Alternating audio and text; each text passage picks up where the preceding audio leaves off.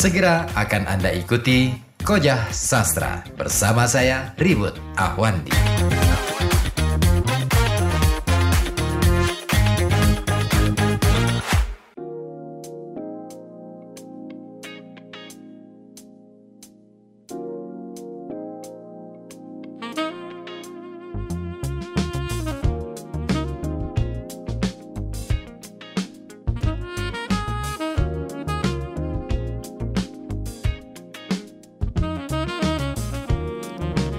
Ya masih berlanjut Koja Sastra untuk Anda di menit yang ke-41 tinggalkan pukul 19 malam kali ini dan ya kita mulai masuk uh, isai yang ditulis oleh Radar Pancadahana yang judulnya Sastra Manusia yang teralienasi bahasa.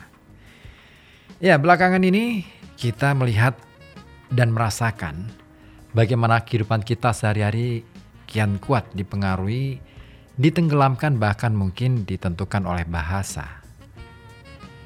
Ini bukan sekadar cerita lama atau lantaran kita cukup letih digebuk terus-terusan oleh slogan dan propaganda kampanye pemilu. Namun, sebuah kenyataan di mana bahkan untuk nonton TV, menyeberang jalan atau menyatakan cinta, kita harus menyerah pada bahasa.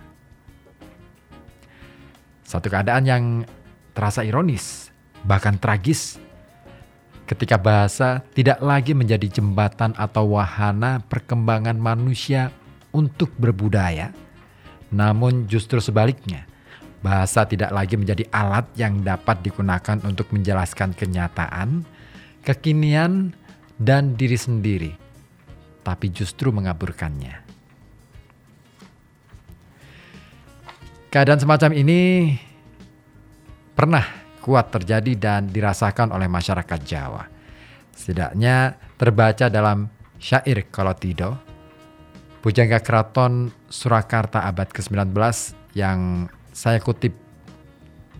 Ini tampak dengan keras bagaimana pujangga terhormat itu begitu geram dan gemas mendapatkan kenyataan yang bahkan dengan kata-kata sudah tak berhasil ia kuasai dan wakili.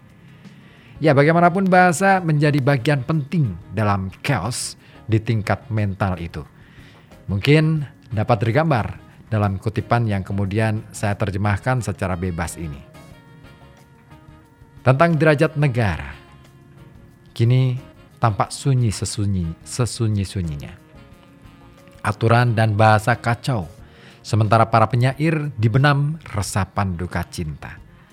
Habis sudah keberaniannya Padam sudah tanda-tanda hidup, dunia terasa penat, pepat dengan nista. Ya, saya berambisi melihat sebuah paralelisme antara kenyataan mutakhir dengan apa yang dinyatakan Ronggo Warsito. Namun lebih melihatnya sebagai sebuah alegori yang memperlihatkan bagaimana bahasa yang antara lain diwakili oleh para penyair sebagai salah satu fanatikusnya memiliki peran yang tidak kecil dalam pembentukan karakter sebuah masyarakat manusia, juga dalam sisi atau akibat buruknya. Kenyataan mutakhir menunjukkan bagaimana manusia tidak mampu mendapatkan dan mengaktualisir dirinya lewat bahasa lantaran pengertian pengertian utama kata dan kalimat yang diucapkannya sudah dikuasai oleh kekuatan-kekuatan yang dominan. Kekuatan yang dalam masyarakat kini telah terbentuk menjadi sebuah negara dengan pemerintahan di dalamnya.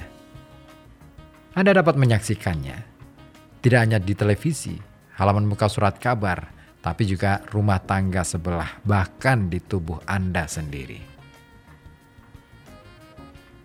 Kata buruh misalnya. Walau ada dalam kamus formal dan tradisional, menjadi satu sebutan yang diharamkan dalam penyebutan. Karena konteks historis politis semata dalam pemahaman politik negara, kata tersebut membuat organisasi atau serikatnya dilarang. Berbagai macam gerakan sosial dan politik di beberapa tahun ini umumnya mendapat halangan bahkan hukuman hanya karena menggunakan kosakata yang berlawanan dengan pemahaman yang dimiliki pemerintah. Walaupun mereka sesungguhnya percaya Kata-kata tersebut lebih dapat mewakili kenyataan. menjelaskan kekiniannya sebagai manusia.